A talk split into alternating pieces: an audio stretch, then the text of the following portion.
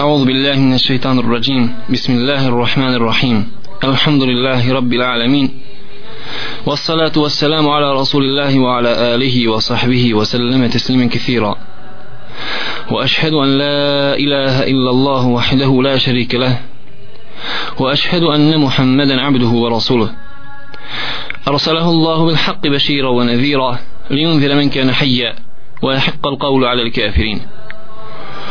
أما بعد فإن أصدق الحديث كتاب الله وخير الهدي هدي محمد صلى الله عليه وسلم وشر الأمور محدثاتها وكل محدثة بدعة وكل بدعة ضلالة أما بعد Poštovani slušalci, assalamu alaikum wa rahmetullahi wa barakatuh.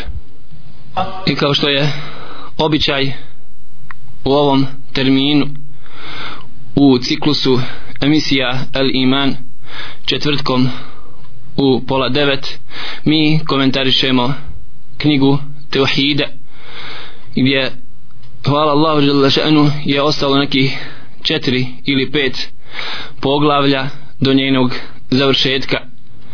Tako da molim uzvišnog Allaha Đelešanu da se okoristimo zaista sa ovom vrijednom knjigom slušajući šta je to šeheh Muhammed ibn Abdul Wahhab da mu se Allah žele smiluje spomenuo u ovoj knjizi. I došli smo do poglavlja gdje kaže pisac knjige o tevhidu babun ma jae fil iqsami ala Allah. Poglavlje koje govori o tome da se čovjek zaklijete Allahom žele še'nu da će Allah žele še'nu uraditi nešto. Ili pak da se čovjek zaklijete Allahom žele še'nu da Allah neće uraditi nešto. Ovo je jedno poglavlje koje tretira problematiku zakletve. A inače zakletva u arapskom jeziku se naziva sa više imena kao recimo el halef ili jemin ili elje ili kasem i tome slično. Sve su ovo riječi odnosno imena sinonimi za značenje zakletve. Inače Allah subhanahu wa ta'ala se zaklini u Kur'anu na mnogo mjesta. I on kao gospodar svega što postoji ima pravo da se zaklinje sa svojim stvorenjima s čime god on hoće. Uzviše neka je on Allah žele še'nu. Za razliku od stvorenja, od stvorenja njegovih kojima nije dozvoljeno da se zaklinju osim Allahom subhanahu wa ta'ala. Tako recimo uzvišni Allah jalla še'nu se zaklinje fala uqsimu bima waqi nujum i Allah jalla še'nu se zaklinje položajima zvijezda i nebeskih tijela. Ili Allah jalla še'nu se zaklinje sudnjim danom la uqsimu bi jevmi il i Allah subhanahu wa ta'ala se zaklinje sudnjim danom u ovom kuranskom ajetu i rekli smo on Allah žele še'nu ima pravo da se zaklinje šime god on hoće. Za razliku od nas njegovih robova njegovih stvorenja gdje nam nije dozvoljeno da se zaklinjemo bilo čime osim sa njim. Pa je spomenuo pisac knjige o tevhidu ovo poglavlje koje tretira problematiku zakletvi ali na jedan drugi način koji nismo do sada komentarisali i pored toga što smo govorili o zaklinjanju i zakletvi i o propisima zakletvi i o kefaratu. Ovdje se zapravo radi da se čovjek zaklete Allahom žele še'nu da će Allah žele še'nu uraditi nešto to i to ili pak da neće. Pa je bilo neophodno da s obzirom da je došlo u sunnetu Allahu poslanika sallallahu alaihi wa sallam ova problematika bilo je neophodno da pisac knjige u Tevhidu spomene ovu tematiku u knjizi svojoj koja govori o Tevhidu jer kao da čovjek kada se na ovakav jedan način zaklijete Allahom Đalešenu da će Allah uraditi ili pak da neće to uraditi kao da se umetnuo u što bi naš narod rekao Božije stvari u Allahu subhanahu wa ta'ala pravo. Oto da je neophodno da čovjek zna propis u ovakvoj jednoj situaciji. Zaklinjanje Allahom subhanahu wa ta'ala tvrdeći da će Allah Đalešenu nešto uraditi ili pak da neće Allah Đelešenu nešto uraditi. Ima nekoliko situacija. Prva situacija je recimo kad se čovjek zaklijete Allahom Đelešenu i obavijesti da će Allah Đelešenu nešto uraditi što je već potvrđeno u Kur'anu ili sunnetu Allahu poslanika sallallahu alaihi wasallam. Kao recimo da se čovjek zaklijete pa da kaže tako mi Allaha Allah će sakupiti ljude na sudnjem danu pogledajte. Zaklijete se Allahom Đalešanu i kaže tako mi Allaha Allah će sakupiti ljude na sudnjem danu.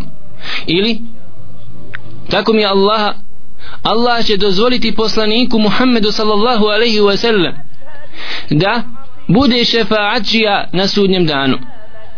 On je ovdje obavijestio i zaklio se Allahom da će Allah to uraditi ali s obzirom da je Allah Đalešenu to obavijestio u Kur'anu ili nas obavijestio Allah poslanik sallallahu alaihi wasallam da će to zaista Allah Đalešenu uraditi onda nema zapreke u ovakvoj jednoj situaciji da se čovjek zaklijete Allahom Đalešenu i da obavijesti da će nešto uraditi ili da neće pak uraditi Allah subhanahu wa ta'ala.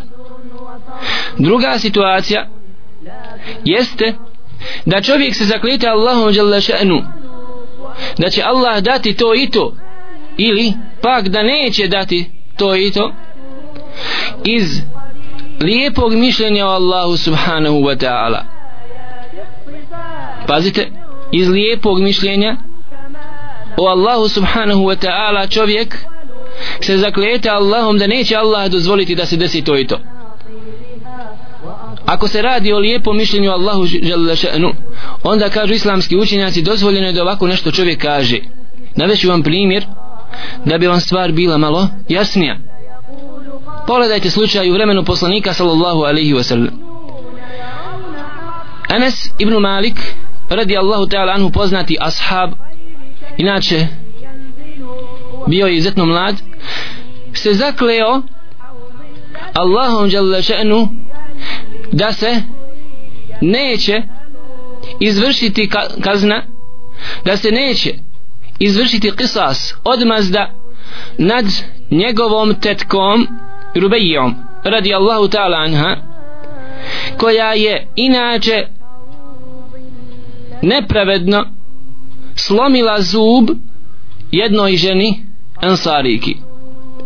A vi znate da je u islamu odmazda za počinjeno djelo zub za zub oko za oko glava za glavu. Ko ubije čovjeka namirno s predumišljajem u isto tako ubija se.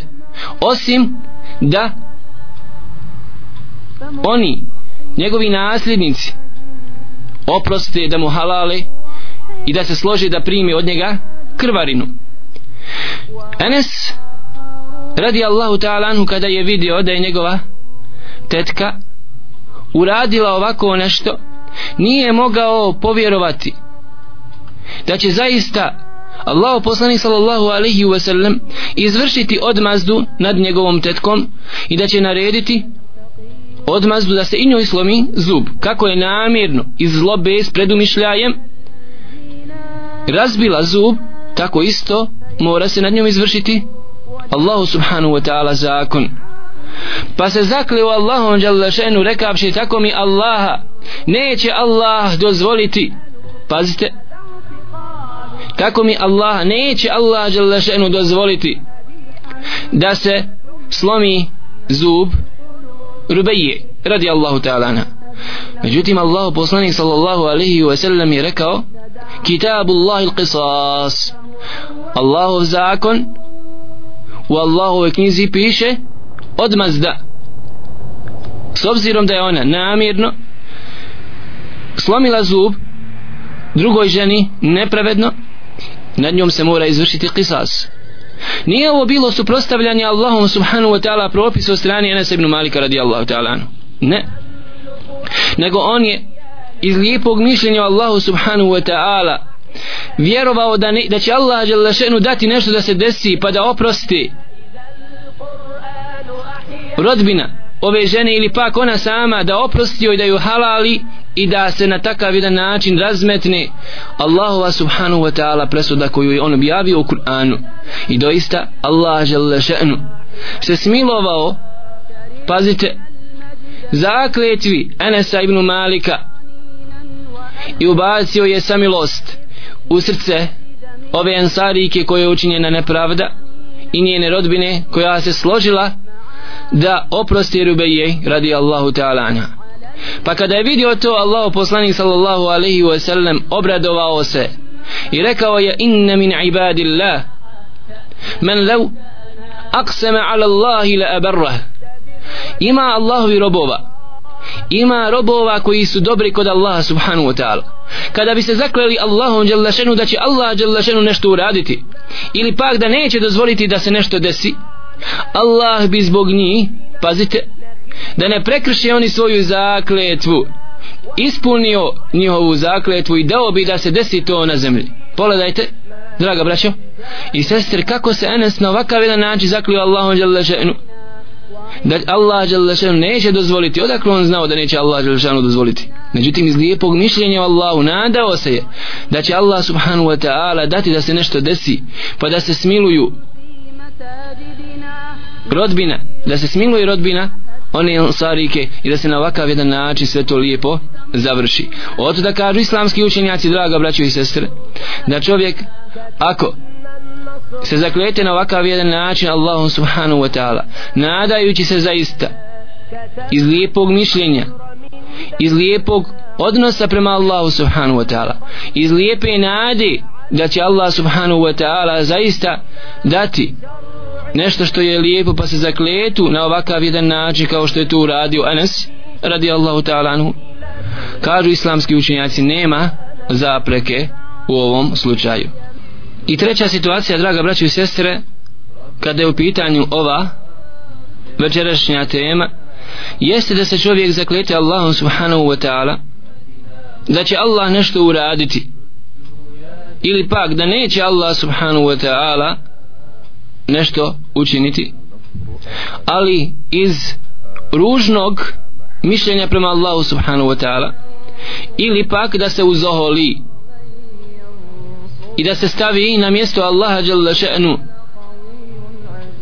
ovo je veliki problem i zbog ovog problema spomenuo je pisac knjige o tevhidu ovu problematiku u ovoj tematici o tevhidu zato što to draga braćo i sestre narušava ili u potpunosti čovjekov tevhid da čovjek može izaći potpuno iz Allahove subhanahu wa ta'ala vjere ili pak da ga umanji da ostane znači vjernik ali da naruši i da djelimično pokvari svoje vjerovanje prema Allahu subhanahu wa ta'ala a postaće nam ova situacija jasnija kada spomenemo hadith koga je spomenuo pisac knjiga o tevhidu a ovaj hadith bilježi imam i muslim u svome sahihu od Žunduba ibn Abdillah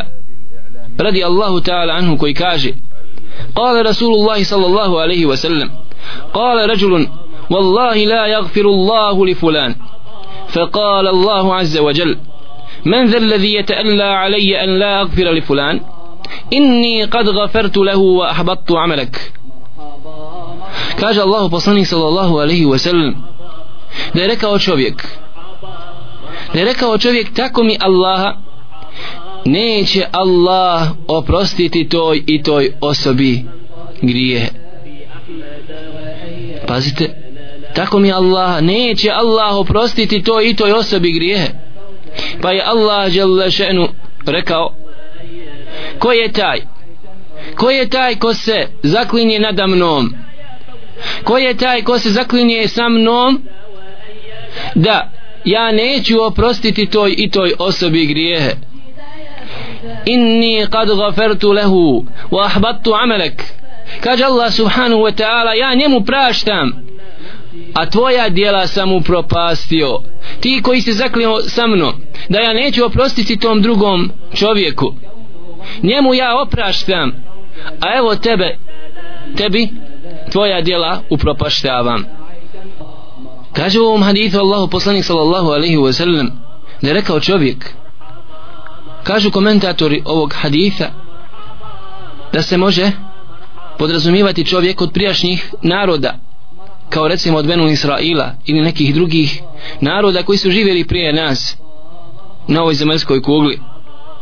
I moguće sasvim moguće da se radi o čovjeku koji je spomenut u hadithu koji će kasnije doći od Ebu Hureyre radijallahu ta'ala anhu.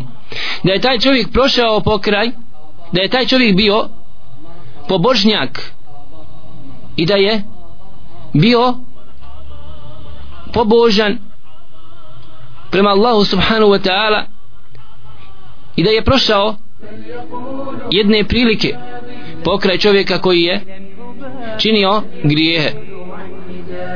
Pa kad god bi on prolazio pokraj njega govorio bi mu prestani sa činjenjem grijeha.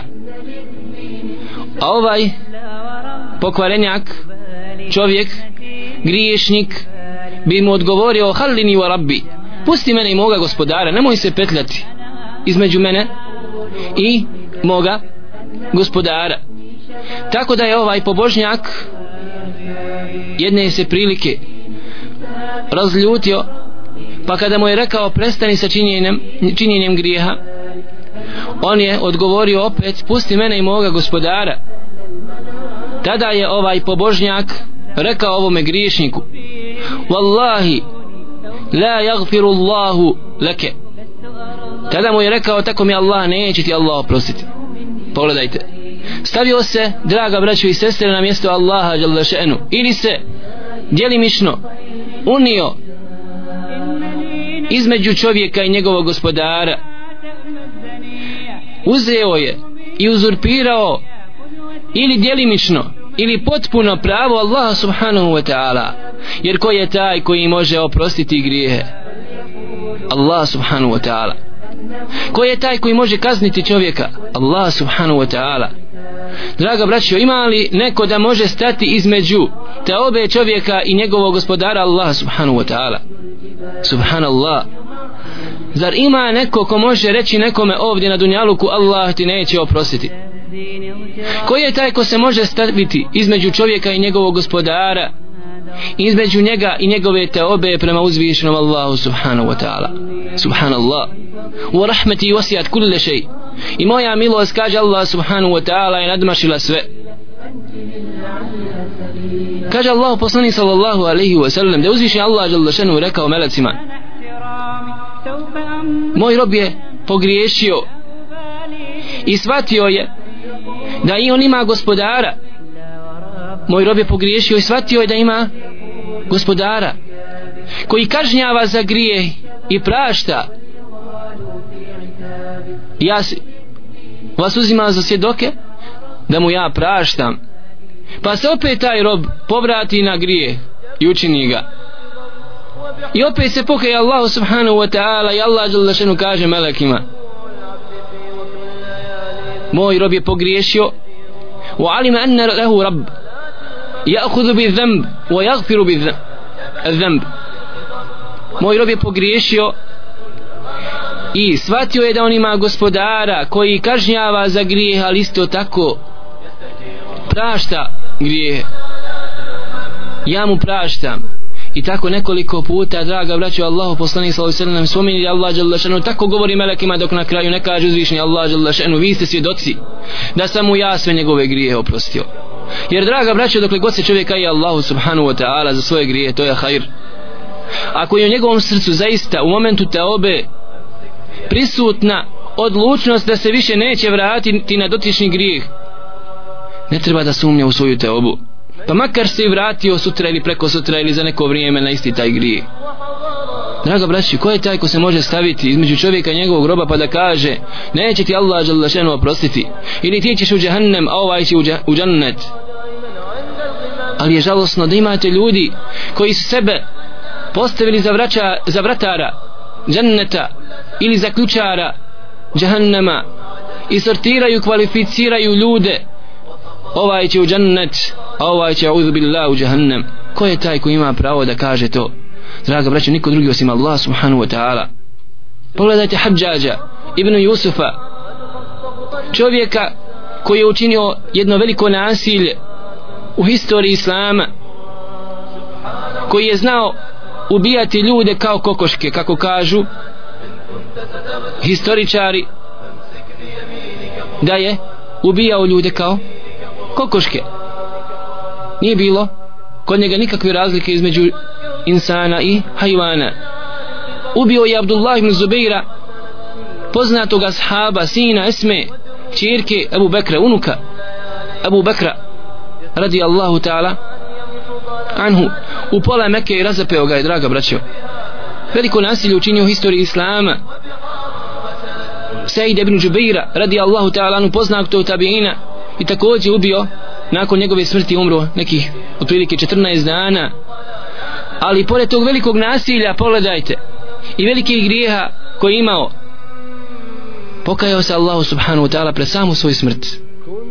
Kakav je to čovjek bio dovoljno je da spomenemo što kaže imam i vehebi u dijelu Sjeru alamin nubela gdje kaže za njega imam i vehebi to je čovjek koji imao dobri dijela. I zamislite čak bio je hafiz Kur'ana. To je čovjek kaže imam i vehebi koji imao dobrih dijela ali se ona tope u moru loših dijela e ovaj hađađ ibn Jusuf se pokajao Allahu subhanahu wa ta'ala pre samu svoj smrt. Bio je suvremnik Hasan al-Basrija. Pa kada je došao čovjek Hasan al-Basriju kaže čuo sam hađađa ibn Jusufa gdje govori na seždi Allahu Đalešenu se obraća. Allahu oprosti mi. Allahu oprosti mi jer ljudi govore da mi ti nećeš oprostiti. Pogledajte. Pitao je Hasan al-Basri ovaj čovjek Hasan imali za njega te obe kaže možda možda mu Allah subhanahu wa ta'ala primi draga braću ko je taj ko se može staviti između čovjeka i Allah subhanahu wa ta'ala? Kod kršćana da popovi. I paroci njihovi koji opraštaju ljudima grijehe. Možeš uraditi šta god želiš. Počini najteže i najveće grijehe. Počini blud ubi pi alkohol radi šta god želiš. Dođi kod popa ili paroka i on će ti oprostiti jeste u islamu to je kufr i širk Allahu subhanahu wa ta'ala jer su oni taguti ljudi koji se stavili na mjesto uzvišnog Allaha subhanahu wa ta'ala zato nema posrednika između čovjeka i Allaha jalla še'nu pogledajte وإذا سألك عبادي عني فإني قريب أجيب دعوة الداعي إذا دعاني فليدعو kaže Allah subhanahu wa ta'ala a kada te moji robovi upitaju za mene reci ja sam blizu i neka me mole oni ja ću im njihovu dovu uslišati i primiti. Nema ovdje posrednika draga braćo i sestre između čovjeka i Allaha subhanahu wa ta'ala jer vidjet ćete mnogo kuranskih ajeta gdje Allah subhanahu wa ta'ala kaže wa jes'alunek anil mahid. Pitaju te recimo mjesečnom pranju. Reci o poslaniće to i to. Pitaju te o alkoholu reci to i to. Ali ovdje kada te moji robovi upitaju o meni nije rekao Allah subhanahu wa ta'ala Muhammedu sallallahu alaihi wa sallam reci im to i to. Ne. Odma ja sam blizu. Nema kažu komentatori ovog kuranskog ajeta nema posrednika između čovjeka i Allah. Pa čak ni poslanika pa čak ni meleka nikoga apsolutno. Ododa kada je ovaj pobožnjak i pored pazite mnogobrojni dobrih dijela koje on imao se stavio na mjesto pazite ili upleo se u stvari koje su striktno samo za Allaha subhanahu wa ta'ala došla je ovako žestoka kazna od strani Allaha subhanahu wa ta'ala. Ko je taj kaže Allah jalla ša'nu men zel lezi je ta'alla alije ko je taj ko se zaklinje sa mnom? An la agfira li fulan da ja neću oprostiti tom i tom čovjeku. Ko je taj? Ko si ti? Ko si ti da kažeš da Allah subhanahu wa ta'ala neće oprostiti? Jer se zaklio Allahom šanu kao kazno. Od Allah subhanahu wa ta'ala inni gafertu leh wa amelek ja sam njemu oprostio a to ja sam djela poništio. U ovom hadithu od džunduba ibn Abdullah radijallahu ta'ala anhu rekao je Allah poslanik sallallahu alejhi da je Allah dželle odgovorio na ovakve teške riječi ovog pobožnjaka. Inni gafartu le ja sam njemu oprostio. Magfirat. Oprost kako mi to prevodimo u našem bosanskom jeziku je došlo od arapske riječi koja označava pokriti i prekriti i sakriti. Allah želešenu je taj koji sakriva i prekriva sramote i grijehe koje čovjek eventualno počini.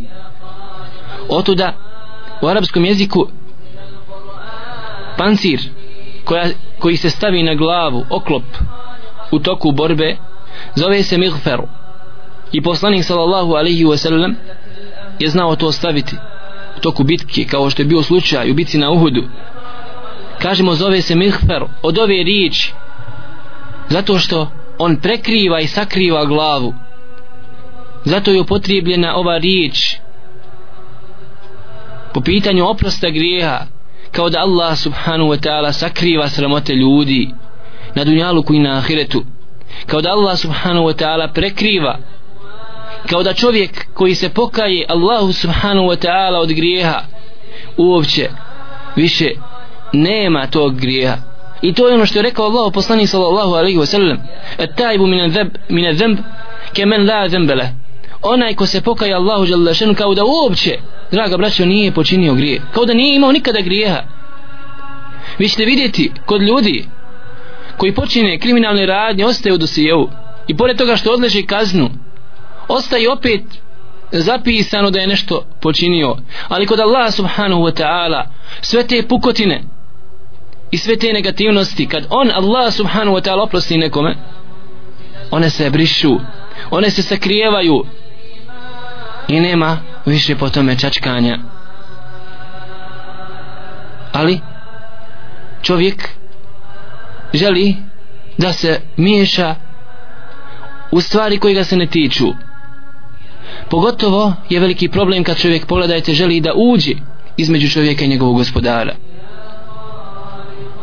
Nije baš rijetka pojava da ćete vidjeti ljude koji su bili recimo klanjači duže vremena u džami kad primijeti da je neko se pokaju Allahu subhanahu wa ta'ala pogotovo nakon ovog mračnog perioda od 50 godina komunizma gdje se pokajao Allahu subhanahu wa ta'ala čovjek od loših dijela shvatio milost Allaha subhanahu wa ta'ala i dođe da klanja kaže pogledaj ga. Radio je toliko i toliko godina te i te ta i ta djela nema za njega oprosta. Kako ćemo Allahu prostiti pogledaj ga došao u prvi saf. Sad se pravi muslimanom. A'udhu billah draga braćo. Wallahi draga braćo boja se za takve insane.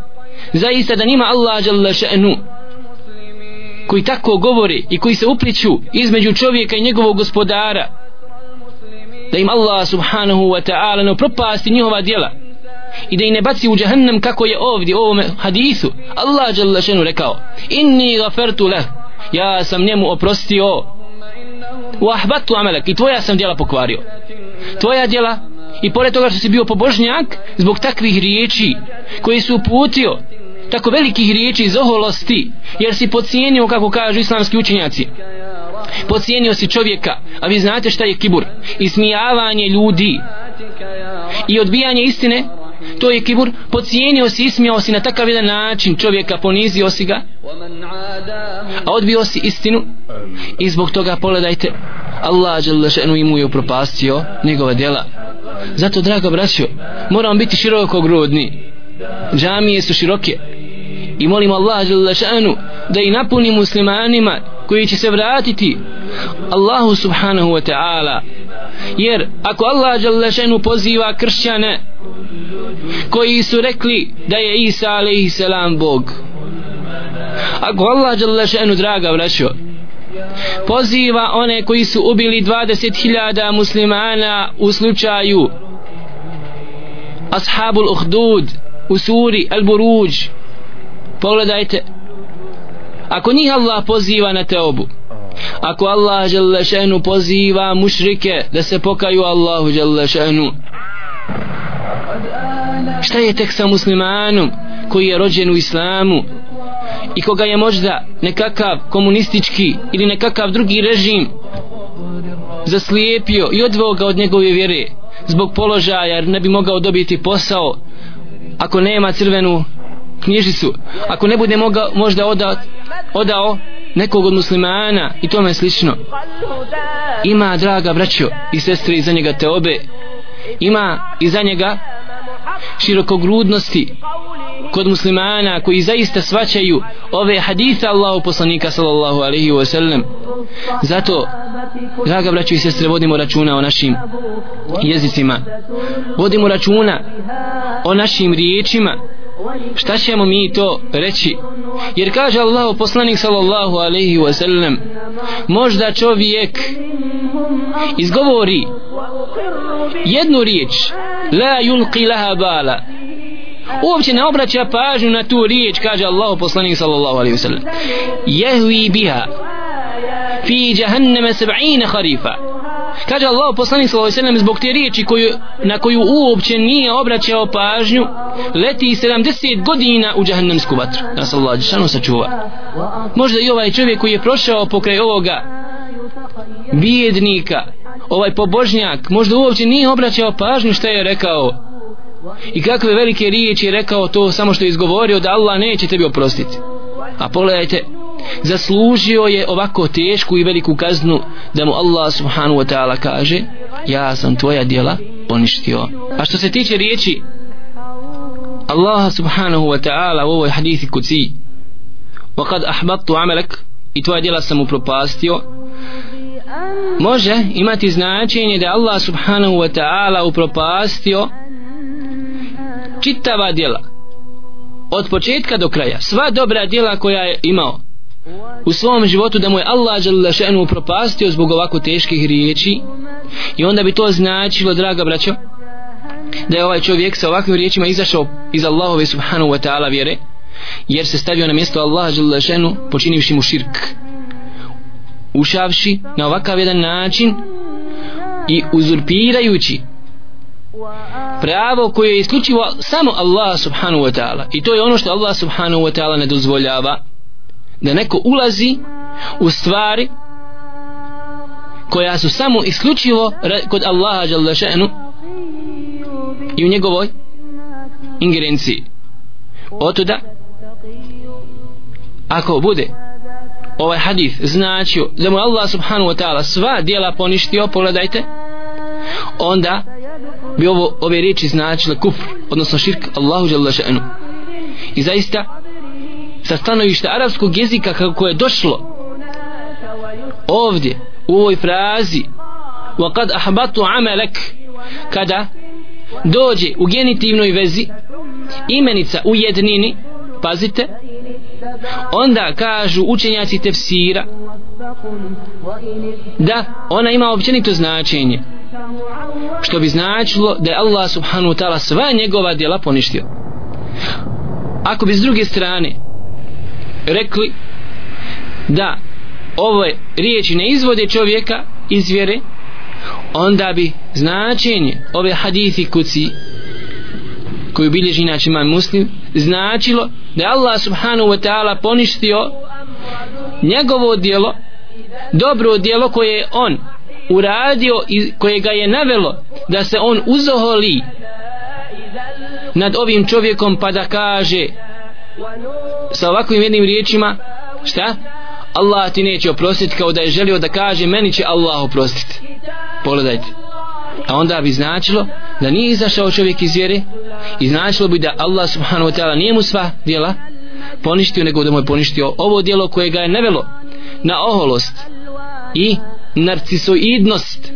Pazite samo dopadljivost pa da ga ovakva jedna osobina navede da kaže čovjeku da Allah subhanahu wa ta'ala njemu neće oprostiti što bi podrazumijevalo šta? Da će njemu Allah s druge strane oprostiti.